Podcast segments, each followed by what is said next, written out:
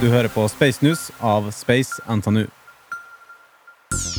Ukas nyheter er Rocket Lab prøvde å recovere sin første booster i lufta. Er SpaceX-konkurrenten Starliner snart klare til å fly til ISS? Og hvordan går det med SpaceX sine astronauter? Rocket Lab prøvde å berge boosterne sine etter oppskytning. Og Jalle, hvordan har de gjort det her tidligere? Tidligere så har de på en måte skutt opp bæreraketten, som på en måte vil si hovedraketten. Og etter ca. 100 sekunder ut i oppskytningen så kobler de på en måte av boosteren, som vil si ca. 70% av raketten.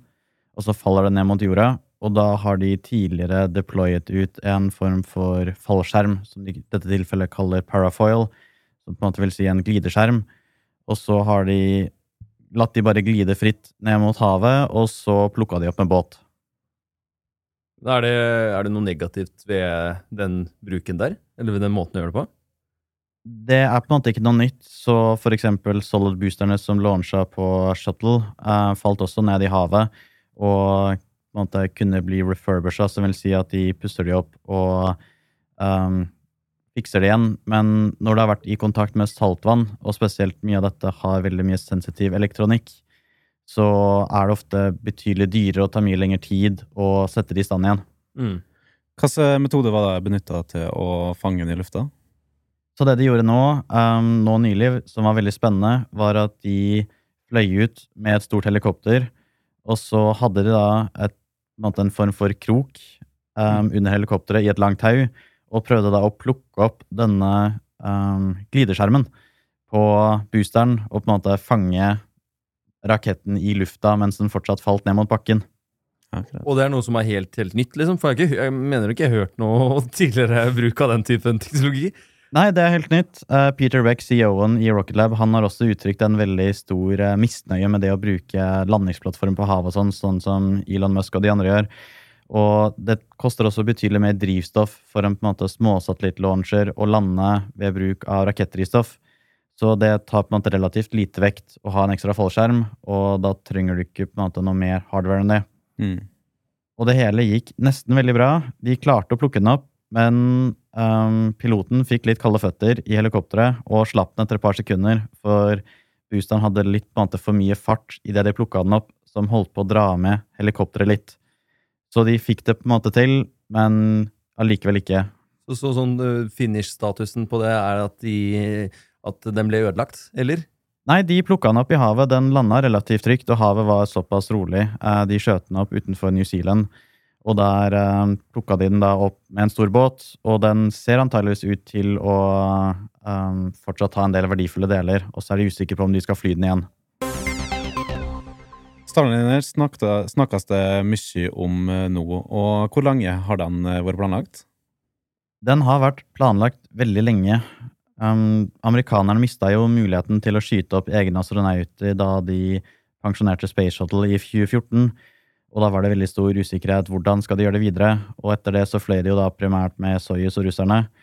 Så det de gjorde da, var at de starta det som heter Commercial Crew Program, um, hvor da blant annet ga SpaceX og uh, Boeing uh, en kontrakt hvor de sa at dere kan få veldig mye penger for å utvikle en ny kapsel. Og den skulle da opprinnelig fra Boeing sin side være ferdig i 2017.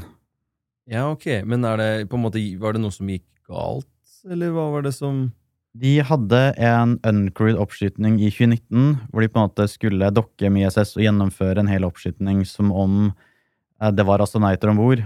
Og da, eh, rett etter oppskytningen, så hadde de på en måte schedula um, en på en måte kurskorreksjon som skjedde på et punkt hvor de ikke hadde direkte kontakt med uh, kapselen, for det skjer på gjennom Mm. mellområder at den passerer over havområder hvor du ikke Mm. har uh, bakkestasjoner og sånn. Og da trodde kapselen at den på en måte fortsatt var i et testprogram som de hadde glemt å resette på bakken, som gjorde at den brukte veldig mye drivstoff på å fly i feil retning. Ja. Ok, så det, er- så det er igjen litt sånn menneskelig feil, da, på en måte. Mer eller mindre. Ja, da var det noen som hadde oversett en prosedyre, og det var lenge da spekulert i om NASA hadde brukt for mye ressurser på å passe på SpaceX, og det at Boeing på en måte slapp billig unna fordi det var antatt at de kom til å få dette til mye bedre. Mm. Riktig. Hva er statusen på romkapselen nå? Um, statusen er at de kjørte den ut til launchpad um, for mange måneder siden, og så fikk de den ikke til å fungere. Det var noen uh, sluser og sånn som ikke fungerte med drivstoffet sånn som man hadde antatt, så de tok den ut igjen, demonterte den helt. Ser ut til at sikkert fiksa problemet, og nå har de da kjørt den ut igjen til launchpadet for å prøve igjen i nær fremtid. Ja, riktig. Men sånn, eh, det høres ut som en ganske grei sånn iterasjonsprosess som de er eh, inne i. Og litt sånn planene videre for dem nå, eh, ettersom det har gått litt sånn fram og tilbake. Det er veldig spekulert i om hele programmet kommer til å bli kansellert, fordi SpaceX leverer såpass trygt og såpass bra. Um, etter den oppskytingen også, så må de fortsatt gjennomføre en ny oppskyting med testpiloter for å videre verifisere det. Og de har hatt såpass mye problemer og er såpass mye dyre enn SpaceX også, så det er litt usikkert hvor mye verdi man ser i det. Allikevel så er det jo veldig betryggende å ha to, fordi hvis SpaceX plutselig får et eller annet problem, og de ikke får skutt opp på x antall måneder, eventuelt år, så har du et alternativ i tillegg til russerne. Eh, SpaceX har vært mye på nyhetene i det siste eh, for eh, vellykkede oppskytinger, og hva er det de har skutt opp? Nå har de nettopp fullført to nye crewed missions, hvor de sendte opp det første helprivate crewet til ISS hvor de da sammen med sin partner Axiom skjøt opp private astronauter som ikke har på en måte den flight-treningen fra NASA, fordi NASA har tidligere primært har brukt testpiloter og um, militært personell fra USA, mens nå så har det da vært private personer som gjerne har en del utvida kapital, som har kjøpt seg plass og fått en veldig forenklet trening, uten at de på en måte har vært uh, tiltenkt denne typen aktivitet tidligere. Mm. Men hva er bakgrunnen for Axiom for disse missionene? Axiom ble startet uh, for ikke så veldig lenge siden uh, med intensjonen om å bygge egne romstasjoner. Så de um, I 2016 så kjøpte de en egen på måte fikk tildelt en egen port på ISS, hvor de nå jobber med å utvikle egne moduler for ISS, mm. som de skal fly opp og utvide ISS med. Og så er en av planene der på sikt å på en måte lage et form for spacehotell hvor de kan sende opp egne private astronauter på egne oppdrag på, en måte på sin egen litt nyoppussa, mer fancy del av ISS. Ja, riktig. Men, så det blir en eh, privat del av ISS, da? Ja, og det de på en måte jobber med mye nå, da, er jo å sende opp astronauter og trene dem. Så blant annet Tom Cruise er akkurat nå i trening eh, i Axiom for å skyte opp med SpaceX til da på en måte den romstasjonen for å filme en egen del av Mission Impossible sammen med et filmfolk. Men er det sånn, eh, hvis man skal tenke ISS er jo ikke den nyeste stasjonen som er der, eh, som fins, på en måte. Um, eller, det, det. eller, det er den nyeste av de som er der oppe. Men det er bare én, men jeg mener at den i seg selv ikke er så ny. Uh, og videre, uh, er det noe planlagt for at liksom, SpaceX og sånn skal lage noe eget, eller på en måte gjøre det som en standalone, ikke en del av ISS? Ja, fordi veldig mye av delene som du sier er veldig gamle, så veldig mye av det ble skutt opp for over 20 år siden. Og har veldig gammel teknologi, og har også blitt ganske skittent, og det er veldig vanskelig å vaske der og sånn. Men allikevel så har de jo på en måte lagt til en del nye deler og en del fancy teknologi. For eksempel akkurat nå så ble det skutt opp nye solcellepaneler mm. for å på en måte forbedre strømbruken.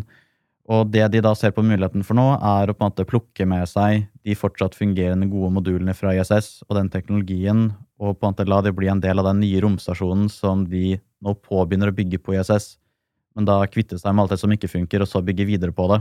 Mm. Det blir mer eh, oppussing enn eh, bygge nytt, da. Litt som legoklosser, hvor du på en måte bare tar noen brikker her og der, og tar med de videre, og så um, lar du det som da ikke funker, brenne opp på vei ned i atmosfæren. Mm. mm. Ja, for jeg har hørt for eksempel både russerne også sa at uh, deres Naoka-modul skal nok eh, kanskje gjenbrukes på deres stasjon videre etter at ISS er eh, ferdig i sin ferd. da.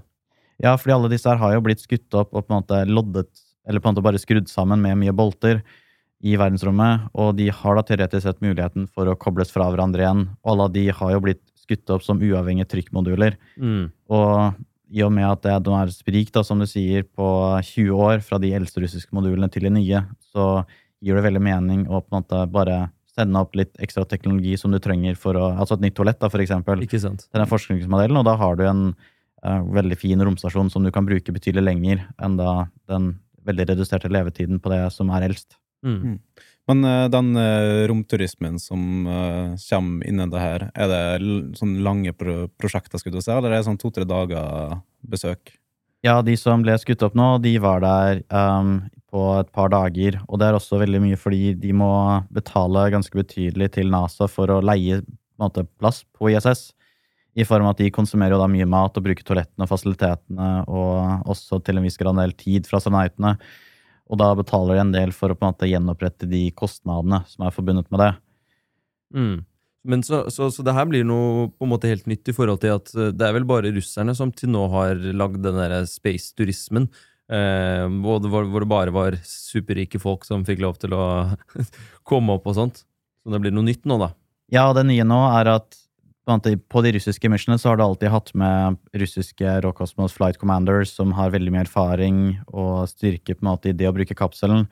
Mens hos SpaceX så ser du nå at de har en helprivat mission hvor rene privatpersoner, som i utgangspunktet er helt utrente sivile personer, kan uh, styre missionet selv, og da til og med dra til ESS og på en måte bli en del av en sånn institusjon, da, selv bare for kort tid. Mm. Mm. Men uh, hva innebærer den uh, treninga på?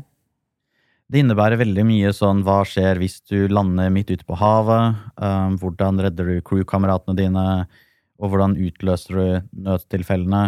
Så SpaceX på en måte sitt interface, hvor de har alle knappene, er en touchskjerm. Og da er det egentlig veldig selvforklarende hva du kan bruke, og hvordan. Um, russerne har jo alt på russisk, for eksempel. Så, ja, ikke sant? Så du må nesten lære Eller du må ha noen som kan det, antar jeg? Så det er et krav på for å fly uh, med russerne er at du kan flytende russisk og lese og skrive det. Mm. Og um, det er jo ikke på en måte helt det du ønsker. da, Hvis du er en veldig rik uh, person som ønsker et par dager på romstasjonen, så er det veldig mye jobb å lære seg et helt nytt språk. Mm. Uh, han norske Nima, som vi også har, har hatt et liveshow med, han trente jo med russerne en god stund. Eh, hvert fall. Eller han skulle jo opp med de, så, så, du antar at han måtte lære seg et par russiske ord? Ja da, han kan eh, godt russisk. ja, det er det. Ja, riktig. Du hørte på Space News med Erlend Sandblås, Alexi Gusev og Jarle Steinberg. Kom tilbake neste uke for nye Space-oppdateringer.